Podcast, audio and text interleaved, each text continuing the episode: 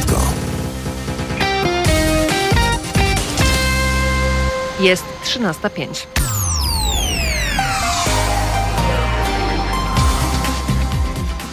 Mamy dzisiaj wtorek, 23 marca, 82 dzień roku.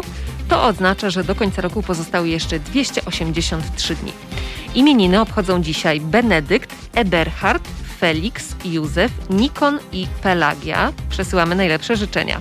A w dzisiejszej kartce z kalendarza e, Alina Margolis Edelman, 23 marca to 13. rocznica jej śmierci. Alina Margolis-Edelman była polską lekarką i działaczką społeczną żydowskiego pochodzenia oraz uczestniczką powstania w getcie warszawskim. Podczas powstania była pielęgniarką, została odzna odznaczona Krzyżem Walecznych. W rezultacie antysemickiej kampanii po marcu 1968 roku nie pozwolono jej na kontynuację pracy naukowej i odrzucono jej rozprawę habilitacyjną późniejszych latach pracowała m.in. w szpitalach w Salwadorze, Czadzie czy Afganistanie. Na Morzu, w e, na Morzu Południowochińskim brała udział w wyławianiu uciekinierów z komunistycznego Wietnamu. W czasie wojny domowej w Bośni i Hercegowinie współtworzyła ośrodek wsparcia dla ofiar gwałtów. Podczas stanu wojennego w Polsce pomagała opozycji demokratycznej. Od 2011 roku przyznawana jest nagroda jej imienia dla osób pomagających skrzywdzonym dzieciom.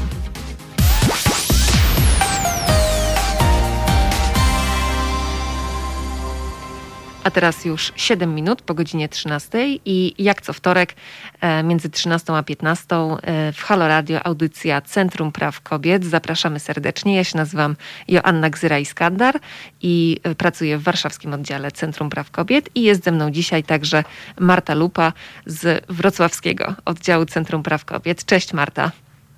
Cześć, witam serdecznie. E, przez e, cały czas trwania audycji możecie się Państwo z nami kontaktować. Czekamy na Wasze komentarze pod transmisjami naszej audycji e, na kanałach Halo Radio, na YouTubie i na Facebooku. Tam znajdziecie, tam znajdziecie transmisję, my na bieżąco czytamy Wasze komentarze, także zapraszamy do komentowania audycji.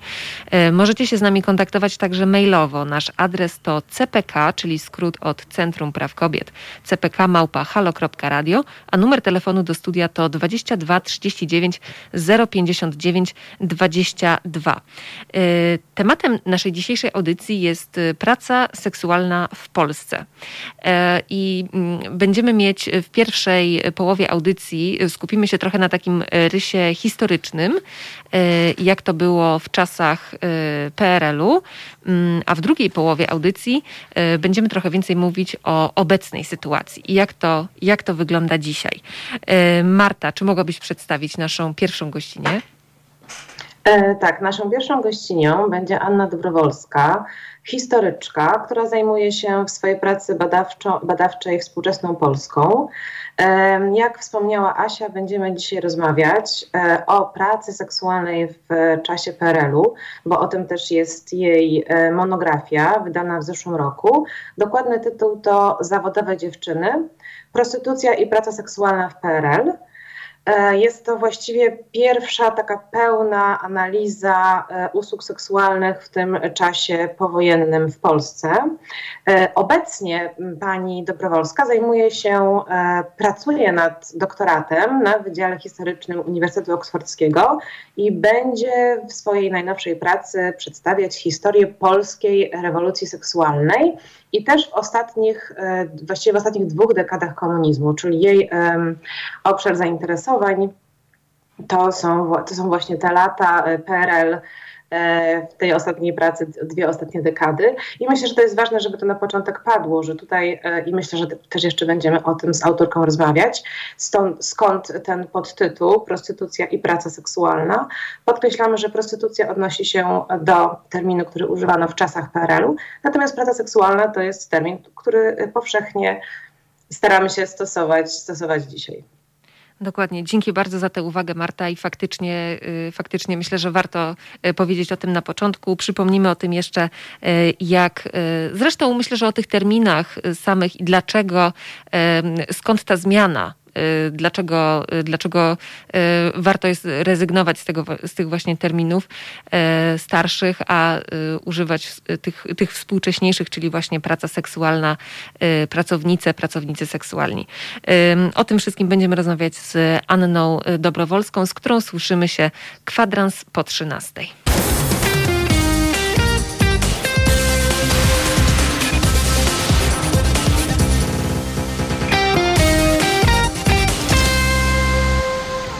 I mamy godzinę 13.15. Słuchacie audycji Centrum Praw Kobiet w Halo Radio. E, rozmawiamy dzisiaj o pracy seksualnej w Polsce i tak jak powiedziałyśmy na początku, w tej, w tej połowie audycji e, skupimy się właśnie na takim trochę bardziej historycznym ujęciu e, tego tematu. Jest z nami Anna Dobrowolska, historyczka zajmująca się w swojej pracy badawczej współczesną Polską, autorka monografii Zawodowe dziewczyny, prostytucja i praca seksualna seksualna w PRL e, i to jest książka wydana przez krytykę polityczną w ubiegłym roku. Dzień dobry Pani Anno. Dzień dobry, bardzo dziękuję za zaproszenie. Marta, to oddaję Ci głos w takim razie. Dziękujemy, że, że jest Pani dzisiaj z nami. E, ja od razu powiem, że byłam pod dużym wrażeniem książki, że ktoś w ogóle zabrał się za taki temat, zaczął go odkrywać, bo to jest taka historia e, nieopowiedziana, właściwie gdzieś ukryta pomiędzy różnymi dokumentami i o tym pewnie też będziemy za chwilę więcej mówić. Chciałam tylko powiedzieć, że książka jest pod matronatem Centrum, Centrum Praw Kobiet. E, obejmuje ten czas e, właśnie epoki PRL-u, czyli od 45 do 89 roku. I to, co jest z mojej perspektywy bardzo ciekawe, to to, że właściwie każdy rozdział jest poprzedzony relacją pracownicy seksualnej, że oddaje Pani głos tym osobom, tak żeby były słyszalne, żeby były niejako ekspertkami e, w swojej własnej sprawie.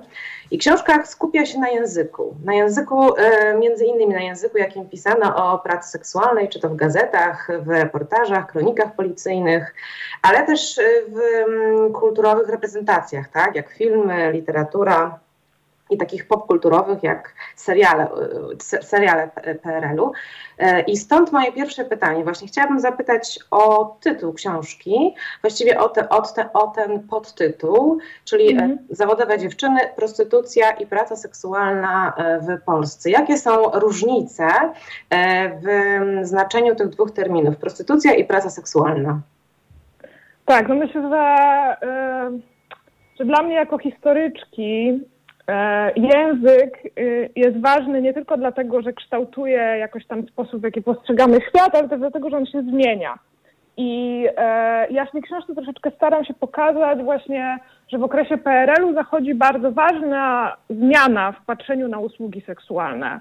Ona oczywiście nie jest dokończona e, i do dzisiaj jakby te dyskusje trwają, ale zachodzi pewna zmiana i z takiego języka, który postrzega usługi seksualne jako patologię społeczną, e, jako zjawisko przynależące do pewnego marginesu, tak, które trzeba kontrolować, kryminalizować, karać, e, zaczyna się mówić o e, usługach, tak, zaczyna się mówić o biznesie, zaczyna się mówić o pracy.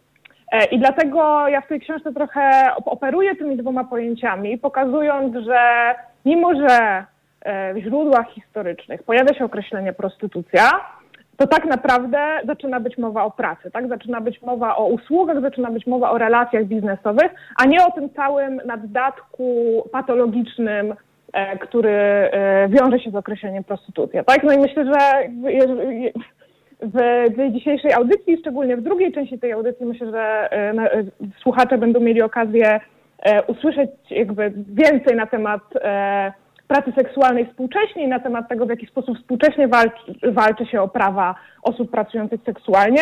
No ale właśnie elementem e, takiego mm, ruchu e, osób e, pracujących seksualnie, tak, e, związków zawodowych osób pracujących seksualnie, które powstają w latach 70. E, w, na zachodzie Europy jest właśnie po, jakby wezwanie do zerwania z, z, używaniem tego pojęcia prostytucja, zerwanie z mówieniem o kobietach jako o prostytutkach, czyli właśnie jako osobach, no tak, jako o obiektach patologicznych, e, obiektach kontroli państwowej, a zaczęcie mówienia o pracy i o relacjach, które się z tą pracą wiążą. E, w PRL-u trudno jest mówić o zorganizowanym ruchu na rzecz e, osób pracujących seksualnie i dlatego też e, język, którym się posługują moje źródła, nawet jeżeli piszą czasem bardziej wrażliwie, to cały czas to jest język e, głęboko zakorzeniony w tym e, pojęciu, w tej w, jakby w tym patologizującej perspektywie patrzenia na e, usługi seksualne. No i dlatego trochę staram się balansować, tak? Znaczy, że z jednej strony wprowadzać to pojęcie pracy seksualnej, które uważam, że jest ważne, potrzebne, pomaga nam bardzo dużo rzeczy zrozumieć, których nie rozumiemy, patrząc wyłącznie przez ten patologiczny pryzmat, ale z drugiej strony staram się też pokazać, e, no tak, ten język, jaki on jest historycznie, tak? I w jaki sposób on, się, on jest kształtowany e, i dlatego jakby to pojęcie prostytucja jest ważne, tak? Bo ważne jest przede wszystkim jego zdekonstruowanie i pokazanie, w jaki sposób e, używanie tego pojęcia, w jaki sposób to, to, jak to pojęcie jest używane przez milicjantów, przez e, funkcjonariuszy e, państwowych, wpływa na e, metody kontroli, metody e, przemocy instytucjonalnej wobec kobiet e, świadczących usługi seksualne. Mhm. Tak, tak, to jest bardzo dobrze, że to padło, to rozróżnienie tych, tych dwóch, dwóch terminów i też zgadzam się, że oczywiście praca seksualna współcześnie mm, jest tym lepszym określeniem, natomiast prostytucja odnosi się do tego, jak postrzegano zawodowe dziewczyny w czasach, w czasach PRL-u. I chciałabym teraz też przejść do, bo to jest jakby taki wątek, jak pisać, takiego wątku, jak w ogóle pisać e, herstorię. Herstorię, czyli historię pisaną z punktu widzenia e, kobiet, gdzie kobiety są głównymi bohaterkami, gdzie kobiety są podmiotem i przedstawia się ich, ich życie, to jaki miały udział właśnie w zasobach, jakie, jakie pełniły funkcje, jaką miały, jak, jakie miały zawodowe obowiązki. Więc to jest ta, ta, ta historia i jakby są różne, różne, różne perspektywy patrzenia na, na, na kobiety w historii. E, jest taka perspektywa wielkich nazwisk typu Kuczarska, Reinschmidt, Krzywicka, Dulembianka, żeby opisać, stworzyć takie portrety tych wielkich pierwszych e, feministek, emancypantek, a druga, przynajmniej z tego co ja tak okiem e, osoby e, nie takiej bardzo tutaj jakiejś specjalistycznej to widzę, to są takie bohaterki życia codziennego, to są właśnie czy służące, czy robotnice, czy pracownice seksualne, Czyli rozumiem, że pani bliższa jest ta historia właśnie skupiona wokół pewnych grup kobiet, tak? Tak, na pewno jest jestem zwolenniczką e, nie tyle dopisywania do historii brakujących w niej nazwisk, co raczej przepisywania tej historii na nowo. I uważam, że właśnie takie spojrzenie na grupy dotychczas z historii wykluczane e, pozwala nam dużo więcej zrozumieć. I to jest bardzo fajne rozróżnienie, które e, sformułowała Joanne Wallach-Scott w takim e, artykule z 1986 roku e, gender jako użyteczna kategoria analiz historycznych. I ona tam właśnie wprowadza tę różnicę między historią kobiet a historią gender. E, historia kobiet to jest właśnie taka historia kompensacyjna, to znaczy historia dopisywania tych brakujących bohaterek, tak, odnajdywania ich w historii, ale to jest cały czas historia e, pisana z perspektywy klas dominujących, prawda?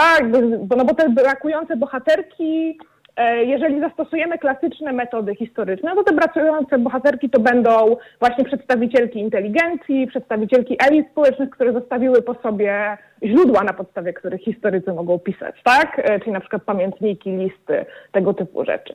Natomiast historia gender, e, tak jak Scott ją definiuje, zmierza bardziej do, do zauważenia roli płci we wszystkich aspektach życia społecznego, tak? Nie, czyli nie tylko w historiach kobiet, E, czy osób identyfikujących się jako kobiety, ale też w ogóle w społeczeństwie, tak? W jaki sposób e, płeć kulturowa, w jaki sposób seksualność w społeczeństwie służy definiowaniu różnych granic, służy definiowaniu e, zagrożeń, tak? I, e, I to, do czego Scott trochę wzywa w tym tekście, myślę, że e, w tę stronę też idzie bardzo duża część badań e, nad historią E, gender obecnie, tak, e, chociaż w Polsce to słowo e, jest obciążone dużym bagażem z wielu stron. Natomiast to, to, to wezwanie do przepisania historii na nowo, tak, do, do przewartościowania dotychczasowych sposobów pisania historii, poszukania nowych źródeł, poszukania nowego sposobu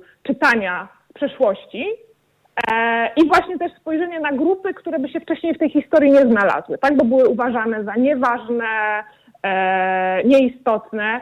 E, I, no i myślę, że właśnie, że tutaj z tej perspektywy historia usług seksualnych w PRL-u bardzo dobrze odpowiada tak, na te potrzeby pisania historii zupełnie od podstaw, tak? Bo okazuje się, że jeżeli podważymy tą podstawową to podstawowe rozróżnienie, tak, które patriarchalne społeczeństwo tworzy między porządną kobietą a, cytat, prostytutką, to się nagle okazuje, że, yy, no tak, że to rozróżnienie służy tak naprawdę do kontrolowania wszystkich kobiet. Tak? Nie tylko tych kobiet, które świadczą usługi seksualne, ale też w ogóle, że za określeniem yy, że kobieta e, jest kobietą lekkiego prowadzenia się. Nie musi stać jakby informacja o tym, że ona świadczy usługi seksualne i nie jest to w ogóle jakby informacyjna, informacyjne określenie, tylko ma to być narzędzie do piętnowania kobiet, tak? Do kontrolowania ich, do e, wpychania ich w te ramy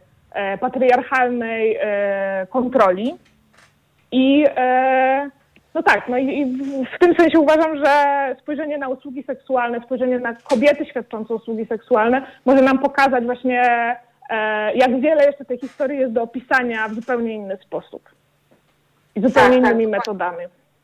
Tak, tak. I to, to, właśnie to przed chwilą pani, e, to o czym pani przed chwilą wspomniała, czyli o tych źródłach, bo to jest dla mnie bardzo, bardzo interesujące też, jak wygląda taki warsztat pracy współczesnej historyczki, która dociera do bardzo różnych dokumentów. Muszę przyznać, że przypisy w Pani książce są równie fascynujące jak treść główna. Ja najpierw czytałam rozdział, potem czytałam przypisy, wracając sobie do tych kwestii, które, do których się odnoszą i w tych przypisach jest też mnóstwo, mnóstwo informacji, więc tak chciałabym zapytać, jak wyglądała praca e, nad książką i siedzenie w archiwach i zbieranie tych materiałów.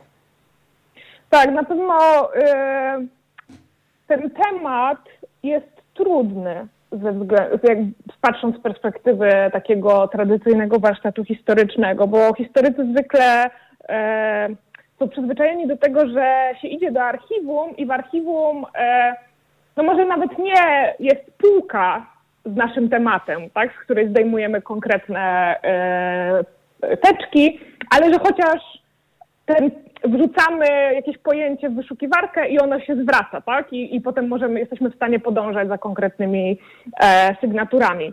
A w przypadku usług seksualnych e, miałam poczucie, że e, samo wrzucenie pojęcia prostytucja tak, w wyszukiwarkę w archiwum IPN-u nic nie daje, tak? Bo, e, bo trzeba odczytać te źródła w ich bardzo skomplikowanym kontekście e, językowym, w kontekście kulturowym. I, e, I bardzo często jest też tak, że wcale te teksty, które, jakby te, te, te e, dokumenty, które znajdujemy, nie mówią tak naprawdę o usługach seksualnych, tak? Tylko usługi seksualne, znaczy prostytucja w tym ujęciu e, milicyjnym jest wykorzystywana do opisywania wielu różnych zjawisk. Więc miałam takie poczucie, że ta praca to było w dużej mierze zmaganie się z ograniczeniami własnego języka, zmaganie się z ograniczeniami języka źródłowego, zmaganie się też z ograniczeniami tych źródeł bardzo dużymi, takim e, no właśnie zakorzenieniem tych źródeł w, e, w tym języku patologizującym usługi seksualne, ale też takim, e, takiej dużej niewiedzy, w której pozostawali funkcjonariusze służb państwowych. I jest ten rozdział w książce, w którym ja analizuję statystyki milicyjne, i bardzo często e, potem w trakcie wywiadów ludzie mnie pytają, no to niech pani powie, ile e, kobiet świadczyło usługi seksualne w okresie PRL-u. Ja nie jestem w stanie udzielić takiej informacji, co więcej milicjanci nie, nie byli w stanie udzielić takiej informacji, bo e, to w jaki sposób mierzy, oni mierzyli to zjawisko, tak, które tak, jakby, tak jak oni je rozumieli, zupełnie inaczej się ma do tego, w jaki sposób my byśmy je zrozumieli współcześnie, a jeszcze jakby inną kwestią jest to, w jaki sposób kobiety, które były przez nich rejestrowane, tak, czy ewidencjonowane jako e, pracujące seksualnie, e, w jaki sposób one siebie postrzegały, tak, więc jest jakby te, tak wiele tych różnych warstw, które są e, do odkrycia i mam poczucie, że trochę nie da się prowadzić właśnie badań nad historią płci, nad historią seksualności, ignorując te kwestie językowe, że one muszą być na pierwszym planie. Tak? Znaczy, że najpierw trzeba rozpakować ten język i jego, no tak, wszystkie jego konteksty, albo przynajmniej starać się je rozpakować. I dopiero potem możemy w jakiś sposób powiedzieć, no może taka była jakaś rzeczywistość historyczna, ale tak naprawdę to nie rzeczywistość chodzi, tak? Tylko właśnie chodzi o to, w jaki sposób ten e, język, e, w jaki sposób dyskurs kształtuje to, jak ludzie do tej rzeczywistości podchodzą. I dlatego e, dla mnie te archiwa, od, od nich zaczęłam, tak? To był początek moich badań, to były właśnie archiwa milicyjne. E, I się szybko e, zderzyłam ze ścianą, tak? To znaczy, że nie znajdę w nich tego, e, co naprawdę mnie interesuje. I stąd e, poszłam w stronę właśnie prasy, w stronę kultury popularnej, w stronę kultury wizualnej, e, w której znajdziemy właśnie dużo ciekawsze rzeczy pod kątem takiego e, konstruowania obrazu, seksualności, konstruowania obrazu kobiety, konstruowania obrazu e, pracy seksualnej. E, I myślę, to że to, o, tych tak źródłach, o tych źródłach jeszcze powiemy za chwilkę. Mamy teraz godzinę 13.31. E, rozmawiamy z historyczką Anną Dobrowolską i do tej rozmowy wrócimy już za moment.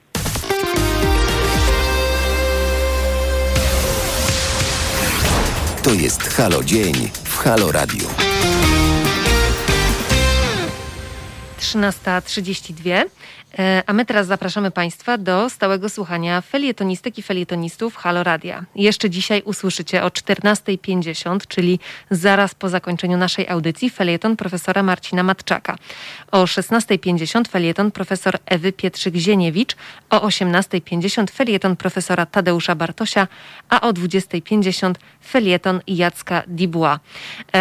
13, e, już prawie 33, e, a my wracamy do rozmowy z naszą pierwszą pierwszą rozmówczynią Anną Dobrowolską. E, tak, przed chwilą mówiłyśmy o tym w pierwszej części naszej rozmowy, e, jak e, pracowała Pani nad, nad swoją książką Zawodowe dziewczyny, o tych zbiorach archiwalnych, ale również o tym, że trzeba było też sięgnąć po pewne reprezentacje kultury, po filmy, po książki, po seriale PRL-u. Ja jeszcze chciałabym dopytać, bo w książce wspomina Pani, że pracowała taką metodą kwerendy i metodą kuli śnieżnej. Gdyby Pani mogła nam przybliżyć, na czym polegają te dwie metody e, pracy nad materiałem historycznym. A, no tak, metoda kwerendy to chyba, e, nie wiem, czy to jest jakaś metoda jakoś określona, po prostu historyk siedzi i czyta, tak? I, e, i ta, to, co czytamy, otwiera kolejne jakieś e, kwestie, tak? Które, za którymi trzeba podążyć, e, więc e, myślę, że no tak, no jakby i, i w związku z tym trzeba też czytać z różne, różne źródła z różnych bardzo e, czasem kontekstów, tak? Czyli właśnie źródła archiwalne, źródła e, opublikowane, dokumenty, e, prasę, książki. Natomiast metoda kuli śnieżnej e, to e, chodziło mi o to, że, e, że bardzo wiele tekstów odnosi się do siebie nawzajem. I, I to, czego na początku jakby te, te, teksty, od których zaczynałam, one otwierały przede mną kolejne konteksty, tak? I e, cytowały kolejnych e, e, ekspertów, tak? którzy zajmowali się tematem e, seksualności w PRL-u. Więc tak podążając właśnie od tego, od jednego nazwiska do drugiego, e, można tworzyć taką mapę różnych powiązań, tak? I, i budować tę wiedzę, nadbudowywać. Natomiast też trzeba, myślę, pamiętać, że że, obie, że te metody mają swoje ograniczenia, tak? I, e, i że e, wielu rzeczy się nie da dowiedzieć w ten sposób i jakby i, i w związku z, też, z tym też trzeba czytać tę książkę, tak? Jako pewną pierwszą próbę rozpoznania różnych tematów, tak? Zarysowania jakichś e, ram chronologicznych, za, za, zaproponowania pewnych interpretacji. Natomiast myślę, że wiele jest jeszcze do zbadania i że na pewno kolejnym krokiem E, byłyby badania już bardziej socjologiczne, e, etnograficzne,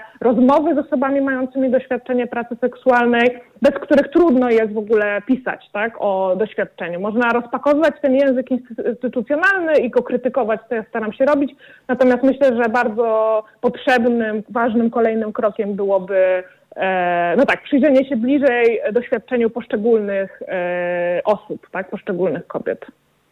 Tak, to, to ma tutaj Pani na myśli, że to, to jest taki wstęp do tego, co jeszcze można by dopisać w tym temacie i szczególnie rozmowy z osobami, które w czasie PRL-u zajmowały się pracą seksualną, tak? Tak, tak. Myślę, że, że to by było bardzo potrzebne i e, no tak, no i troszeczkę liczę, że może moje badania mi pozwolą dalej pociągnąć ten temat w przyszłości. Myślę, że że bardzo ważnym, ważną też misją e, takiej właśnie historii e, genderowej jest odkrywanie tych głosów, które były wcześniej wykluczane z narracji.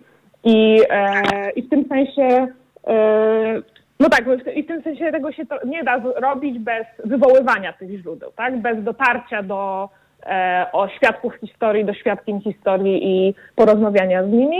Natomiast, e, i tutaj przemawia przeze mnie moja, e, moja historyczna edukacja, potrzebna jest też pewna baza, z której się startuje. To znaczy opowieści świadków historii mówią nam bardzo wiele o ich osobistym doświadczeniu, mówią bardzo wiele o sposobie, w jaki oni pamiętają, ale one pamiętają przeszłość, natomiast nie powiedzą nam o tym całym kontekście instytucjonalnym. Więc e, dla mnie też e, ta książka była takim pierwszym krokiem do moich dalszych badań nad różnymi tematami związanymi z seksualnością. E, w tym sensie, że potem można się odwoływać, tak jak już wiemy, w jaki sposób na przykład te regulacje e, dotyczące usług seksualnych były tworzone, to potem można lepiej zrozumieć, w jaki sposób doświadczenia poszczególnych osób mogły e, wyglądać tak, w tym kontekście. Tak, tak, zdecydowanie. Jest to taki dobry, do, do, dobry, dobra baza, ponieważ tutaj w książce naprawdę jest mnóstwo materiałów. Tak jak mówiłyśmy, to były, mm, przekopała Pani archiwa Milicji Obywatelskiej, e, e, archiwa SB, e, różne zeznania, które składały pracownice seksualne policjantom, ale również może wspomnijmy, żeby tak jeszcze zachęcić nasze słuchaczki, naszych słuchaczy do przeczytania książki, że analizuje w, nich pani, w niej Pani również film filmy i bodajże jedną powieść e, na temat pracy seksualnej, również serial, gdyby Pani coś mogła więcej powiedzieć właśnie o tych kulturowym, kulturowych reprezentacjach tego języka. Tak, to może e, nie będę opowiadała o wszystkich, no bo do tego zachęcam przez przeczytania książki, natomiast powiem o bardzo ciekawym przykładzie właśnie tej powieści, o której Pani wspomniała, e, to znaczy powieści Mewy Stanisława Goszczurnego, która została wydana w latach 60. E, I potem w latach 80. E, zrobiono na jej podstawie film w reżyserii Jerzego Passendorfera. I to, co jest niesamowicie ciekawe, to w jaki sposób opowieść o usługach seksualnych zmienia się między tą książką, która jest latach, lat 60., a filmem w latach 80. I co ciekawe, zmienia się w zupełnie inną stronę niż my byśmy myśleli. Bo ta historia opowiada powieść, która zresztą była jedyną powieścią e, tak w pełni poświęconą tematowi usług seksualnych w PRL-u i tak samo film Passendorfera też był jedynym filmem, który jakby całkowicie się temu poświęca, a nie e, używa tego tematu jako e, jakiegoś pobocznego wątku. E, I opowiada historię Zośki, która e, ucieka z domu, jest jakby wszystkie perypetie, które są związane z tego typu e, tekstach kultury z usługami seksualnymi, e, trafia w końcu do Gdańska e, i w tym Gdańsku e, pracuje w jednej z restauracji, e, właśnie pracuje seksualnie z marynarzami zachodnich statków, ale w pewnym momencie postanawia porzucić swoją pracę i zacząć tak zwane normalne życie w, ze swoim partnerem. Tak? I w tej powieści z lat 60.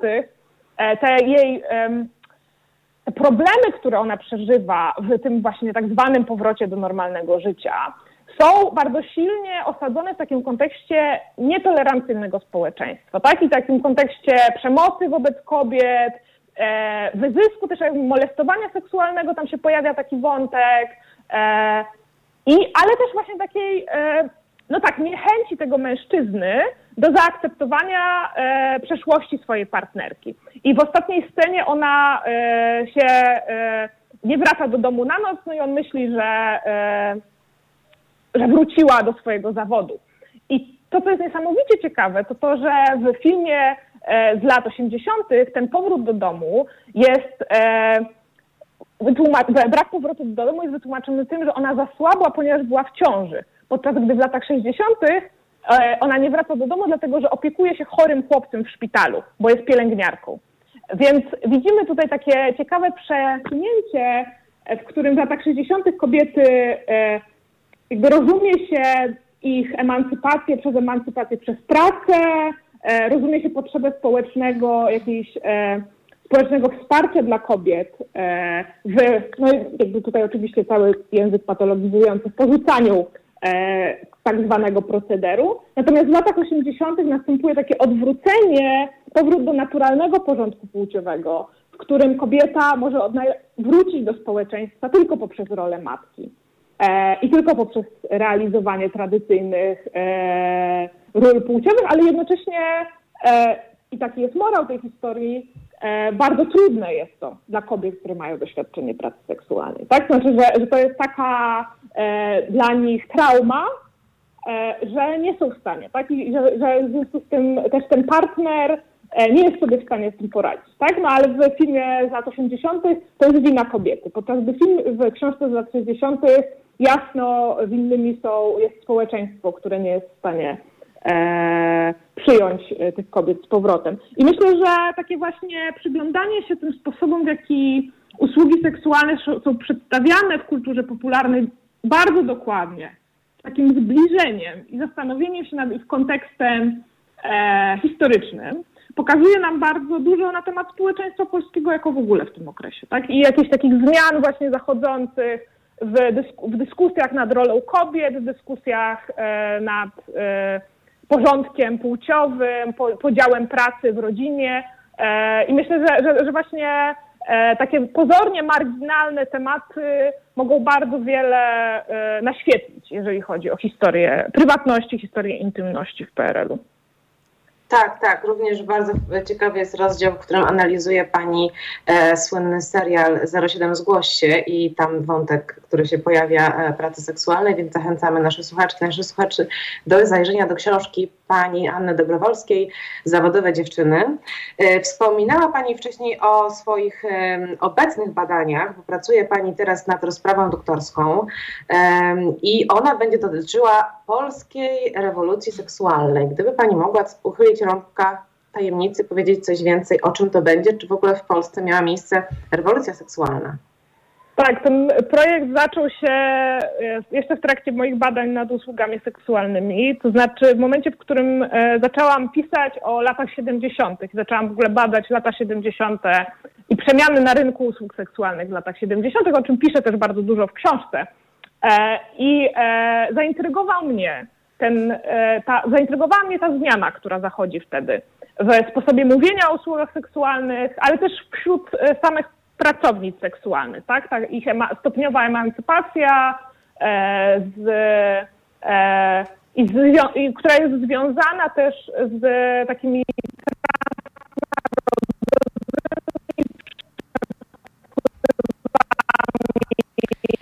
pani Anno, mamy jakiś chyba problem na łączach. Przestaliśmy Panią słyszeć. E, może uda nam się, nie wiem, czy uda nam się jeszcze połączyć, bo też niestety dobiega e, końca mm, e, czas naszej rozmowy. Ostatnie pytanie dotyczyło tego, nad czym nasza rozmówczyni aktualnie pracuje i dowiedzieliśmy się, że pracuje nad swoją rozprawą doktorską, która będzie dotyczyła rewolucji seksualnej właśnie w, w jeszcze w, te, w Polsce, jeszcze, jeszcze za czasów PRL-u. Myślę, że to jest w ogóle szalenie ciekawy temat, bo niektórzy Niektórzy mówią, że y, Polskę dopiero czeka rewolucja seksualna teraz, po tym, co się dzieje, tak patrząc, patrząc tak szeroko społecznie. Natomiast mamy już godzinę prawie 13.45, y, także y, powoli żegnamy się z naszą rozmówczynią i zamykamy ten, ten historyczny etap naszej rozmowy. Mam nadzieję, że będzie jeszcze okazja do, do powrotu do rozmowy z naszą, z naszą dzisiejszą rozmówczynią, którą była Anna Dobrowolska, historyczka seksualności E, autorka książki Zawodowe dziewczyny, prostytucja i praca seksualna w PRL-u. E, także dziękujemy serdecznie, a my z Państwem słyszymy się dosłownie za 5 minut. Halo Radio. Mówi wszystko. Jest godzina 13.50, a za chwilę już nawet 51. Słuchacie audycji Centrum Praw Kobiet w Halo Radio. Dzisiaj rozmawiamy o pracy seksualnej w Polsce. E, przyszło do nas całkiem dużo e, komentarzy, głównie od pana Dariusza. Bardzo dziękujemy e, za taki aktywny udział tutaj w naszej audycji. Większość z tych pytań tak naprawdę wydaje mi się, że mogłaby zostać zaadresowana do naszej kolejnej rozmówczyni. Także prosimy o jeszcze chwilkę, chwilkę cierpliwości. Faktycznie pierwsza pierwsza część naszej audycji miała taką, e, miała na celu przybliżyć Państwu e, taką perspektywę historyczną. Rozmawiałyśmy z autorką książki, która, która została poświęcona okresowi PRL-u i pracy seksualnej właśnie w czasie PRL-u w latach 45-89. Także e, to tak słowem wyjaśnienia, dlaczego, dlaczego tak trochę wykładowo. No bo właśnie to taka historyczna perspektywa, ale wydaje mi się, że też szalenie ciekawa, bo to nie taka znowu odległa przeszłość, a myślę, że też y, z, z takim jak to powiedzieć, no pewnym przełożeniem jednak też na współczesność, bo to jednak wtedy zaczęła się, e, zaczęła się chociażby ta zmiana na poziomie języka, bo właśnie to, co e, mam nadzieję, że to wybrzmiało, e, ta analiza, którą Anna Dobrowolska przeprowadziła w swojej książce, właśnie dotyczy przede wszystkim języka, jakim mówiono, jakim pisano, opisywano pracę seksualną w czasach PRL-u. Marta, a ty jakie masz y, spostrzeżenia mm, po, po lekturze tej książki? E, tak, jeszcze chciałam nawiązać właśnie, bo my to rzeczywiście dużo, e, dużo mówiłyśmy na temat tego rysu historycznego, E, właśnie języka opisującego, no bo właściwie bez języka nic nie ma, tak? Nie ma dyskusji, nie ma myślenia, e, nie ma pewnego obowiązującego dyskursu, więc dlatego wydało nam się ważne, żeby w tej pierwszej części e, to pokazać i też, żeby zobaczyć, jak to się zmieniało. Niestety nie starczyło nam czasu, bo ja jeszcze chciałam dopytać autorkę książki, Annę Dobrowolską, o to, co, czy interesowała się w ogóle pracą seksualną jeszcze z co było przed, przed, przed epoką PRL-u, czyli powiedzmy sobie między, międzywojnie i czasy jeszcze wcześniejsze, ale myślę, że to jest zupełnie już wątek na inną, na inną dyskusję i na inną książkę, bo ym, to się odnosi, jakby nie, nie, nie, można mówić o sytuacji, myślę, dzisiejszej, bez odniesienia się do tej sytuacji, która była 30, 40, 50 lat temu, bo to są jednak pewne, pewne zależności i warto je, warto je zauważyć, warto, warto o nich mówić. Ja jestem bardzo ciekawa tej nowej pracy mm, pani Dobrowolskiej, jej rozprawy doktorskiej, która będzie dotyczyła polskiej rewolucji seksualnej, bo prawdę powiedziawszy nigdy do tej pory nie spotkałam się z takim określeniem. Mówiłaś o rewolucji seksualnej lat 60., rewolucji seksualnej w Ameryce, rewolucji seksualnej na Zachodzie, ale u nas w Polsce, w PRL-u, rewolucja seksualna. E, brzmi to, brzmi to dosyć ciekawie i mam nadzieję, że kiedy pani Dobrowolska skończy już e, swoją rozprawę doktorską, to również będziemy mogły ją zaprosić i coś więcej o tym usłyszeć. A ty, Asiu, czy słyszałaś kiedyś o polskiej rewolucji seksualnej? Nie, właśnie ten wątek y, faktycznie autorka mm, trochę tak y, zaznacza w tej swojej książce, o której dzisiaj mówiliśmy. Tam się pojawia rzeczywiście taki wątek, ale, ale nie jest pogłębiony, a rzeczywiście temat, temat wydaje się no, szalenie ciekawy. A już w kolejnej godzinie mm, będziemy rozmawiać właśnie o tym, jak to wszystko wygląda współcześnie, jakie są współczesne te uwarunkowania pracy seksualnej w Polsce. Także zachęcamy też oczywiście do dalszego komentowania mm, na Facebooku, na YouTubie. Adres mailowy to cpk.halo.radio, a numer telefonu do studia to 22 39 059 22 13 55 na naszych zegarach. Halo Radio. Mówi wszystko. Jest 14.06.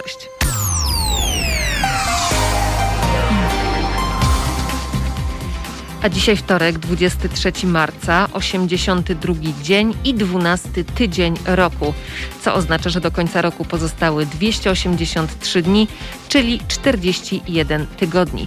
Imieniny obchodzą dzisiaj Piotra, Rebeka, Turybiusz, Wiktorian, Wiktoriana, Wiktorianna, i Zbysław. Składamy wszystkim najlepsze życzenia. E, a w kartce z kalendarza Matylda Chorzelska, urodzona właśnie 23 marca 1892 roku. Matylda Chorzelska była polską działaczką niepodległościową, żołnierką Ochotniczej Legii Kobiet w czasie wojny polsko-bolszewickiej. Była też farmaceutką, wykładowczynią Uniwersytetu Stefana Batorego w Wilnie. Działała w organizacjach kobiecych na rzecz pomocy legionistom oraz należała do Polskiej Organizacji Wojskowej. W 1929 roku została wybrana na stanowisko wiceprezeski Związku Legionistek Polskich. W listopadzie 1938 roku została mianowana na zastępczynię senatora z województwa wileńskiego, a jej karierę polityczną przerwał wybuch II wojny światowej.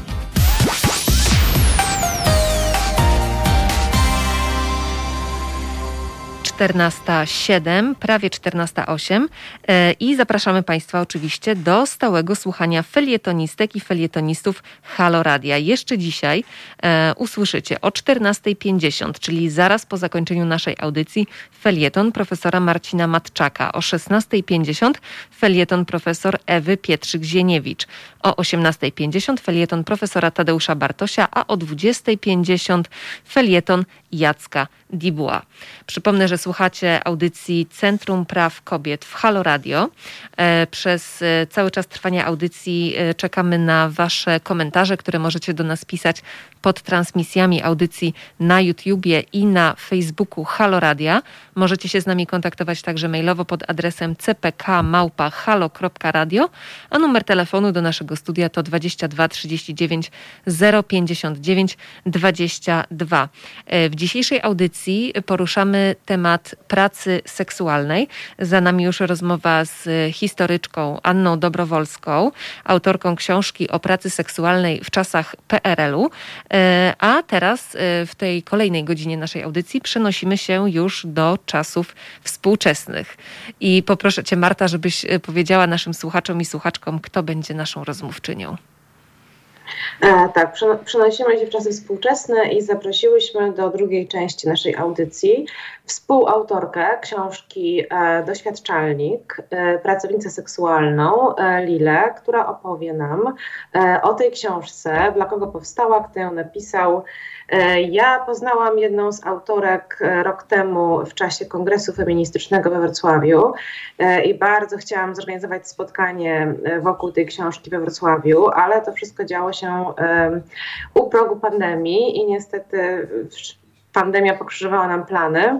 I teraz rok po naszym pierwszym spotkaniu i pierwszych ustaleniach, że zrobimy takie spotkanie, nadarzyła się taka okazja, że mamy Centrum Praw Kobiet ma audycję e, w Halo Radio i pomyślałam sobie, że e, może spotkanie po prostu przeniesiemy do, do radia e, bo i tak spotkanie na żywo właściwie byłoby teraz niemożliwe. Także dobrze się złożyło i już za chwilę porozmawiamy na temat książki Doświadczalnik. Dokładnie. Teraz już 10 minut po godzinie 14, e, a z naszą kolejną rozmówczynią, czyli z Lilą, słyszymy się kwadrans po.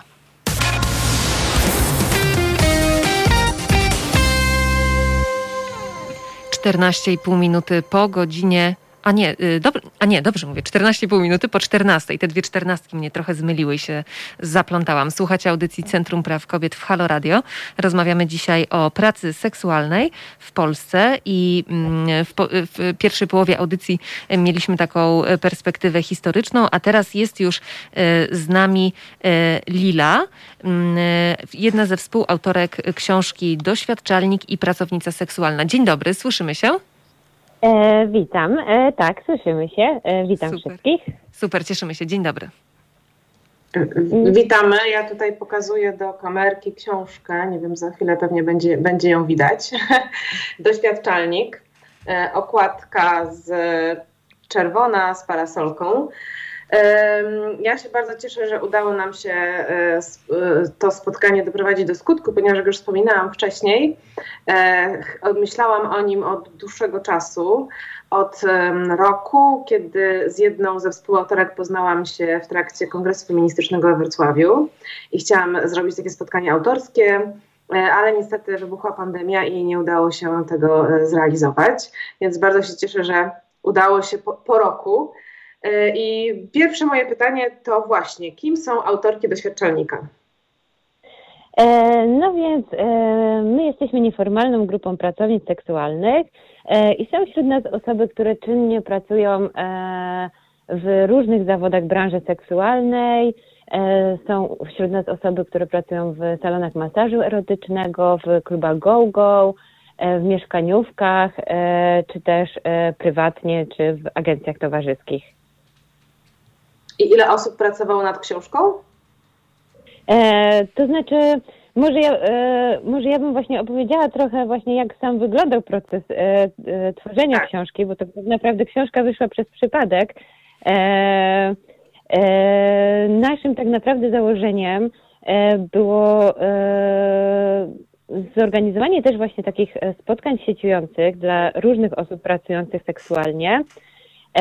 Chciałyśmy właśnie też skupić się na swoich doświadczeniach i trochę takiej potrzeby właśnie mówienia więcej o realiach naszej pracy, gdyż po prostu wiele też różnych publikacji E, artykułów e, stereotypowo jednak podchodzi do naszych zawodów e, i, i reprodukuje takie właśnie stygmaty, podejście dosyć krzywdzące dla nas. Więc właśnie my też chciałyśmy się skupić na tym, żeby dowiedzieć się więcej o realiach pracy właśnie w różnych zawodach, E, i, e, i też właśnie stworzyć e, jakąś publikację, która po prostu będzie dla naszej społeczności typowo i będzie pomocna. I proces właśnie pracy nad tą publikacją wyglądał tak, że miałyśmy na początku spotkanie sieciujące i zaprosiłyśmy właśnie około kilkanaście osób pracujących seksualnie w różnych branżach. I i właśnie rozmawiałyśmy, e, jaka wiedza tak naprawdę byłaby przydatna dla naszej społeczności. E, I, e, i właśnie po tym etapie właśnie takim kreowania, więc ten właśnie etap w ogóle zbierania tematów, jakie chciałybyśmy poruszyć, to też było taką pracą kolektywną. I jak już właśnie miałyśmy gotowy zarys, o czym chciałybyśmy pisać, to też E, zbierałyśmy wywiady od innych osób pracujących, e, często też właśnie w miejscach pracy, chodziłyśmy właśnie do agencji towarzyskich e, czy, czy do salonów masażu i rozmawiałyśmy, później te rozmowy spisywałyśmy i tak właśnie powstał doświadczalnik właśnie. Czyli tak naprawdę tych e, autorek, współautorek jest e, bardzo dużo, bo to nie tylko osoby, które chodziły i spisywały, rozmawiały, ale też które mówiły, dzieliły się swoim doświadczeniem. Mhm. E, tak, tak, dokładnie, dokładnie. E, mhm. Chciałabym właśnie to, po, e, to podkreślić, że, e, że, że, że jest to praca kolektywna i my też właśnie pierwsze rozdziały o tym właśnie, jak wygląda sama praca, jak dbać o bezpieczeństwo w pracy, jak pracować z klientem. To wiele właśnie jest tam cytatów właśnie z tych naszych rozmów, bo właśnie też chciałyśmy podkreślić to, że jesteśmy ekspertkami na temat swojej pracy i osoby, które pracują, są po prostu ekspertkami i, i mają właśnie bardzo dużą wiedzę E, e, I też wypracowują tak naprawdę dużo metod właśnie, jak e, polepszać właśnie warunki pracy i, i cały czas właśnie robimy to w swoich pracach właśnie, że zmieniamy to, by nasze zawody po prostu były bezpieczniejsze i bardziej satysfakcjonujące dla nas. A mhm, dodatkowo jeszcze, mhm, dodatkowo tak. jeszcze właśnie też umieściłyśmy E, rozdział e, o zdrowiu seksualnym e, i to było przy wsparciu ekspertek w tym temacie oraz cały rozdział prawny, z którym też pracowałyśmy z naszą koleżanką z grupy Sexwork Polska i prawnikiem, który też właśnie zajmuje się pomocą prawną osób, osobom, dla osób pracujących seksualnie. Tak, czyli wiele, wiele, rzeczywiście wiele osób e, pracowało nad tą książką i efekt jest naprawdę bardzo dobry. Bardzo rzeczowe informacje, konkretne porady, różne metody, tak jak Pani wspomniała wcześniej. E, a jeszcze chciałam zapytać, skąd taki tytuł? Dlaczego właśnie doświadczalnik? Mhm. E, doświadczalnik e, też ma pokazywać trochę naszą różnorodność. E, w ogóle tutaj, jak wspomniałam właśnie, że my same pracujemy w różnych zawodach, um, posługujemy się właśnie terminem pracy, pracy seksualnej, ale która jest tak naprawdę takim parasolem, bo pod tym parasolem mieszczą się właśnie różne zawody. My tutaj w doświadczalniku też się skupiłyśmy na zawodach, e, gdzie osoby pracują bezpośrednio z klientem, czyli właśnie w agencjach, mieszkaniówkach, na ulicy, e, w klubach go-go e, i masażach. A do, w tym parasolu też się mieszczą usługi pośrednie przez internet, czy właśnie kręcenie filmów porno, ale my właśnie zajmujemy się tutaj taką pracą bezpośrednią, bo jest po prostu to tak obszerny temat, że też musiałyśmy go ograniczyć. E, I właśnie też doświadczalnik ma pokazywać różne doświadczenia, bo każda z nas e, też przychodzi do pracy seksualnej z różnym e, zapleczem wiedzy, umiejętności.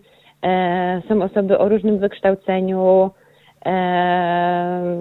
czy pozycji społecznej, ale po prostu są to różne właśnie doświadczenia, osób e, i chciałybyśmy, chciałybyśmy tą różnorodność też pokazać właśnie. Mhm, tak, ja tutaj pokazywałam przed chwilą do kamerki okładkę, bo właściwie dzięki temu, co teraz usłyszałam, zdałam sobie sprawę, dlaczego jest parasol na, na tej okładce, że to nie jest tylko um, symbol osób um, kojarzących się jakieś, um, z osobami pracującymi seksualnie, ale też właśnie tak jak przed chwilą padło, że to jest taki parasol, który przyjmuje e, pod swój, swoją ochronę różne osoby, które mogą się tam pod nim dobrze poczuć, opowiedzieć o swoich doświadczeniach, bo też właśnie chciałam zapytać, czy łatwo było namówić e, osoby pracujące seksualnie, żeby podzieliły się mm, swoim doświadczeniem na rzecz książki? Mhm.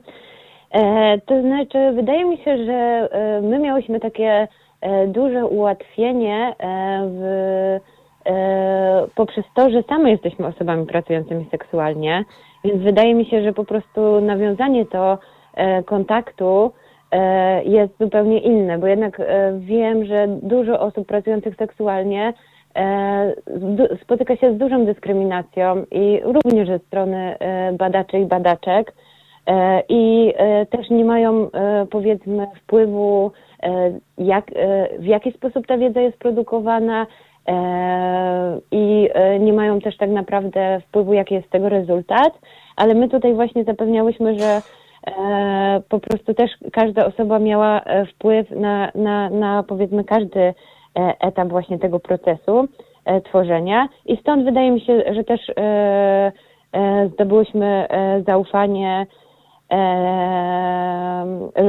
osób, E, bo też w ogóle może e, właśnie też powiem więcej o, o, o temacie, jaki wywiązał nam się właśnie z tych naszych wspólnych rozmów. E, bo jasne, na początku jasne, właśnie. Mhm, na początku właśnie naszych, naszych rozmów to, że właśnie pracujemy w różnych właśnie zawodach, ale naszym takim wspólnym doświadczeniem było to, że rozpoczynając pracę, E, kiedy jeszcze nie miałyśmy właśnie też znajomości e, czy umiejętności, nie wiedziałyśmy w ogóle, jak e, branża seksualna wy, wygląda, to często musiałyśmy tej pracy uczyć się na metodą prób i błędów, co często wiązało się z tym, że, że pracowałyśmy w miejscach, gdzie był duży wyzysk pracowniczy, gdzie zgadzałyśmy się na rzeczy, które były dla nas niekomfortowe psychicznie czy fizycznie, E, I dlatego właśnie chciałyśmy, e, teraz już e, pracując i mając więcej doświadczeń, chciałyśmy tymi doświadczeniami się podzielić, żeby osoby, które wchodzą do branży, żeby miały łatwiejszy start, żeby mogły świadomie wybrać właśnie, jakie usługi chcą świadczyć, jakie są warunki pracy seksualnej właśnie w różnych zawodach, by mogły rozpoznać złe miejsca pracy od dobrych miejsc pracy i, i by miały właśnie większy wpływ przez to na, na warunki pracy, w, jaką będą podejmować. A do tego właśnie do, do tego też naszym takim właśnie wa bardzo ważnym impulsem było to, żeby się sieciować e, między, e, między zawodami, e, bo jeżeli pracujemy w jednym zawodzie, to na przykład nie, nie wiemy tak naprawdę, jakie są realia pracy w innych zawodach, a w sytuacji, gdy, kiedy, a w sytuacji takiej, kiedy na przykład nie chcemy wykonywać danych usług na E, może dobrym pomysłem jest właśnie przekwalifikować się, e, przebranżowić e, i myślę, że to też jest właśnie ważne przekazywanie wiedzy koleżankom właśnie z innych zawodów.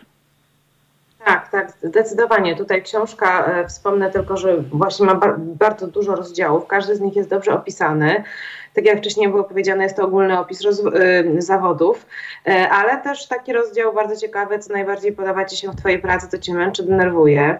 To, jak ustalać granice w kontaktach z klientami, jak się, z nim, jak się komunikować. Również jest ciekawy bardzo rozdział o zdrowiu psychicznym, wypalenie zawodowe, jak pracować i się nie, i nie wypalić. I ja tak czytając te wszystkie rozdziały, właściwie miałam takie poczucie, że to jest... taki poradnik dla każdego, bo to są wszystko bardzo ważne kwestie w każdej pracy, które tam poruszacie. Y, I, I, mm, warto w ogóle mieć taką świadomość, kiedy zaczyna się pracę, y, z czym ona się wiąże, co nas może spotkać, jakie możemy mieć myśli y, i tak dalej. Więc jakby dlatego myślę sobie, że ten doświadczalnik jest też swego rodzaju takim uniwersalnym poradnikiem dla osób, które w ogóle zaczynają pracować czytając to miałam takie wrażenie, a z kolei właśnie te artykuły, o których była mowa wcześniej, czyli e, rozdziały dotyczące zdrowia seksualnego, higieny, bezpiecznego seksu, to z kolei było dla mnie no, no, świetny podręcznik dla młodzieży, który naprawdę bardzo dużo mówi na temat tego, jak bezpiecznie, zdrowo uprawiać seks i coś, coś, czego zdecydowanie współcześnie myślę, że, że, że bardzo, bardzo brakuje. Więc ja na pewno polecałabym tę książkę z różnych, z różnych względów, tak? Pod, pod, pod różnym, różnym kątem można ją czytać. I jeszcze chciałam Cię zapy- chciałam zapytać, jaki miała cel, bo oprócz tego, że przedstawić właśnie doświadczenia osób pracujących seksualnie, e, to myślę, że jeszcze warto podkreślić, że tutaj zależało głównie e, autorkom o tym, żeby powiedzieć też więcej e, o bezpieczeństwie, bezpieczeństwie pracy, tak? Mhm. E, tak. E, e, oczywiście. Dla nas też miałyśmy taki swój też aktywistyczny cel, bo też wierzymy, wierzymy w to, że praca seksualna może być bezpieczna e, i po prostu chcemy się angażować właśnie e, na rzecz tego, żeby też miejsca pracy były bezpieczniejsze, aby każda właśnie osoba wkraczająca właśnie w, w branżę usług seksualnych miała rzetelną właśnie wiedzę, jak zacząć E, pracować, e, by po prostu e, świadomie podejmować decyzje i jak właśnie minimalizować przemoc w miejscach pracy. No niestety jest tak właśnie, że nasze zawody są właśnie w szarej strefie lub w czarnej strefie i często te konteksty naszej pracy są skryminalizowane, ale my chciałyśmy skupić się na tym właśnie, co jako właśnie, e, jako pracownicy możemy zrobić właśnie na ten moment, e, żeby przyczyniać się właśnie, żeby te miejsca były bezpieczniejsze e, i dawać właśnie też osobom takie narzędzia właśnie do negocjacji z pracodawcami i też właśnie pewność siebie osobom, które pracują, by też właśnie też same traktowały właśnie siebie jak w pozycji negocjacyjnej, e, żeby wiedziały właśnie, jakie warunki są w danych zawodach, e, by mogły właśnie też po prostu mieć taki realny wpływ e, na, też na wybór miejsca e, i rezygnować na przykład z tych miejsc, które są niezadowalające. No, a dodatkowo właśnie... A dodatkowo... Przepraszam Panią najmocniej, w tym miejscu na chwilę musimy postawić kropkę, bo mamy 14.30, ale za chwilę do rozmowy o doświadczalniku wrócimy. A rozmawiamy z Lilą, współautorką tej książki i pracownicą seksualną. Także proszę zostać z nami i wracamy do rozmowy za chwilę.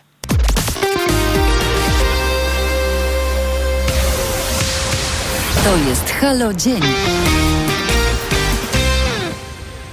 Wolność, a szczególnie wolność w mediach ma dziś naprawdę wysoką cenę. Wiedzą o tym dobrze ci z Państwa, którzy stale wspierają Halo Radio. Za to wsparcie chcemy w tym tygodniu szczególnie podziękować m.in. pani Hannie ze Świebodzic, pani Elizie z Mielca, panu Wojciechowi z Lublina, pani Sylwii z Gdańska, panu Ziemowitowi z Piotrkowa Trybunalskiego, panu Andrzejowi ze Skawiny, panu Leszkowi ze Staszowa, panu Jackowi z Warszawy, pani Ewie z Oleśnicy i pani Alinie z Olsztyna. Nie zapominajcie o nas tak jak my pamiętamy o was, ilekroć siadamy przed mikrofonem. Dziękujemy za stałe wspieranie finansowe Haloradia, które nie kłania się władzy ani nie schlebia opozycji. To nasz wspólny projekt www.zrzutka.pl łamane na Halo Radio.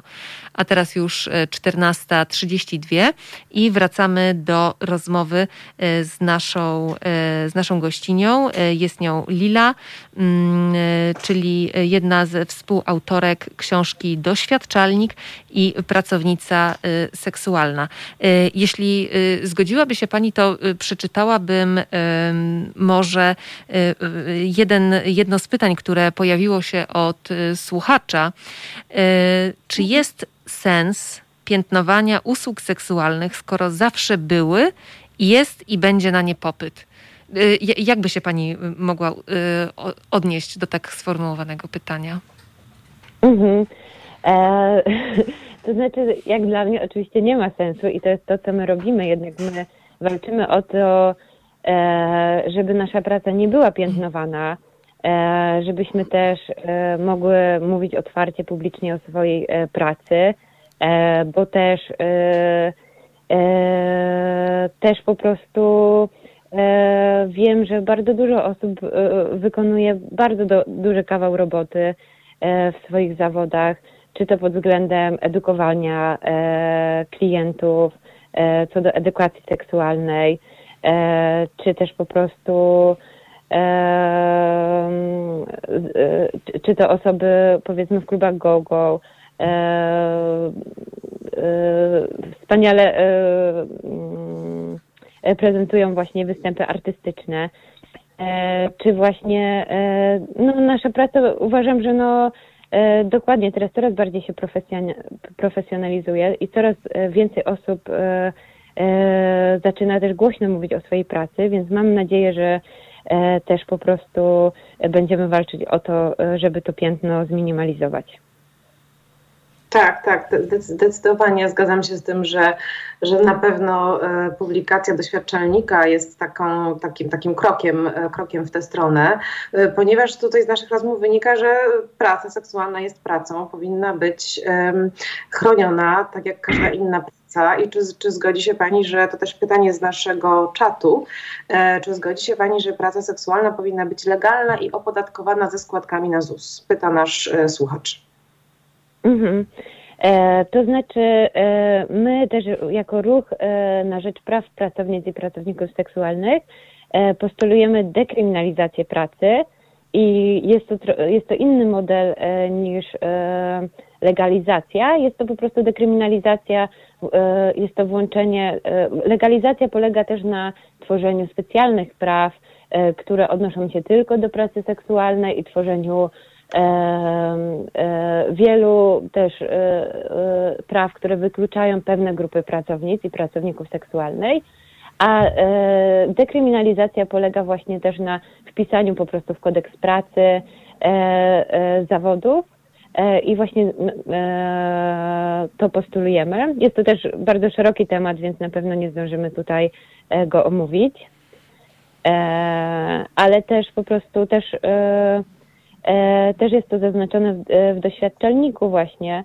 E, pro, problem właśnie tego, że część miejsc pracy seksualnej jest właśnie skryminalizowana, bo chociaż właśnie kluby go-go i masaże erotyczne mogą działać legalnie, to już miejsca jak agencje towarzyskie czy mieszkaniówki są właśnie w tej czarnej strefie i e, osoby mogą e, sprzedawać usługi seksualne, ale musiałyby robić, by robić to legalnie, musiałyby e, robić to e, indywidualnie, bez niczego, niczyjego wsparcia, bo jeżeli decydujemy się e, na e, pracę w zorganizowanym miejscu pracy, no to już miejsce jest skryminalizowane, bo wszystkie osoby, które e, ułatwiają pracę, czerpią jakieś korzyści, właśnie e, organizują pracę po prostu od telefonistek, sprzątaczek do menadżerek, to już e, właśnie są, są skryminalizowane.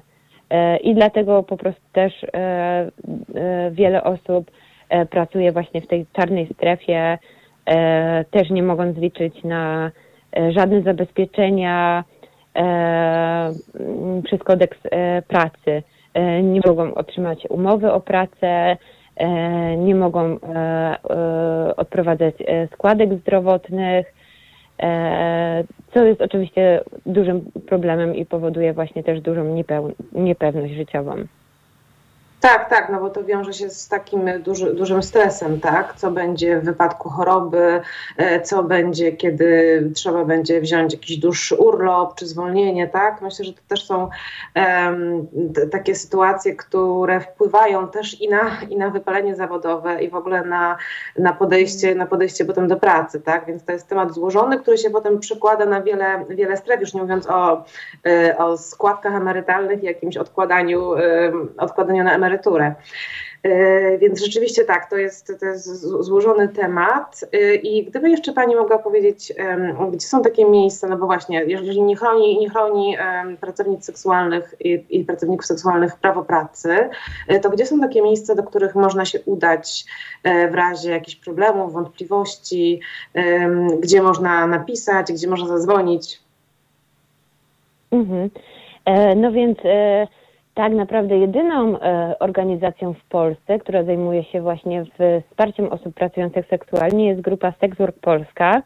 E, I jest to grupa, która udziela właśnie wsparcia i psychologicznego, e, prawnego, też, też ma specjalistów w, w tematach migracji czy też księgowości. I tam, jeżeli mamy właśnie jakiekolwiek właśnie problemy czy pytanie można się zgłosić. E, osoby e, chętnie właśnie też przekazują właśnie kontakty do, do specjalistów, specjalistek. Zachęcamy też właśnie osoby, które właśnie są specjalistami, specjalistkami do kontaktowania się z grupą Sexwork Polska, żeby właśnie w swojej pracy też włączać, robić miejsce dla osób pracujących seksualnie, by też nie podchodzić stereotypowo, e, tylko właśnie być otwartym e, na, na, na wsparcie naszej grupy zawodowej. E. Mhm. I rozumiem, że Sex Work Polska można na przykład znaleźć e, na Facebooku, tak? Tak, dokładnie e, na Facebooku. Można też kontaktować się przez stronę swpkontakt.org. E, tak, łatwo, nas, mhm. łatwo znaleźć e, stronę, więc myślę, że to nie będzie problemu. Mhm. E, I rozumiem, że tak jak Pani wspomniała, są tam osoby e, właśnie eksperckie, które zajmują się czy to poradnictwem prawnym, czy to psychologicznym, więc jakby ten, ten wachlarz oferowanej pomocy jest, e, jest bardzo, bardzo szeroki. Więc zachęcamy wszystkie osoby, które byłyby zainteresowane tymi tematami do kontaktu poprzez, poprzez Facebooka chociażby y, i do, do, odsyłamy też do książki Doświadczalnik. No i jeszcze właściwie tutaj nie mogę mm, nie zapytać, jak pandemia i ta sytuacja, która od roku jest w Polsce, y, ma wpływ na pracę pracownic i pracowników seksualnych. Czy coś się zmieniło, bo na pewno się zmieniło i jak, jak sobie z tym radzicie? Mhm. No właśnie, e, szczególnie e, ucierpiały e, e podczas pandemii osoby, które właśnie e, bezpośrednio pracują e, z, z klientami. Wiele osób utraciło swoje właśnie jedyne źródło dochodu. Inne osoby, część osób właśnie też przyniosło się do innych zawodów, czy właśnie do pracy na kamerkach internetowych. Ale właśnie no, bardzo dużym problemem jest to, że tak jak wcześniej wspominałam, większość osób pracujących seksualnie pracuje bez właśnie jakichś osłon socjalnych e, i, e, i sytuacja e, pandemiczna po prostu jest bardzo dramatyczna w, naszym, w naszych zawodach. Niestety nie możemy liczyć na żadną pomoc rządową ze względu, że nasza praca właśnie jest marginalizowana. Staramy się organizować wewnątrz naszej społeczności i od początku pandemii działa właśnie Fundusz Solidarnościowy e, i e, na właśnie e, stronie zrzutka.pl zbieramy fundusze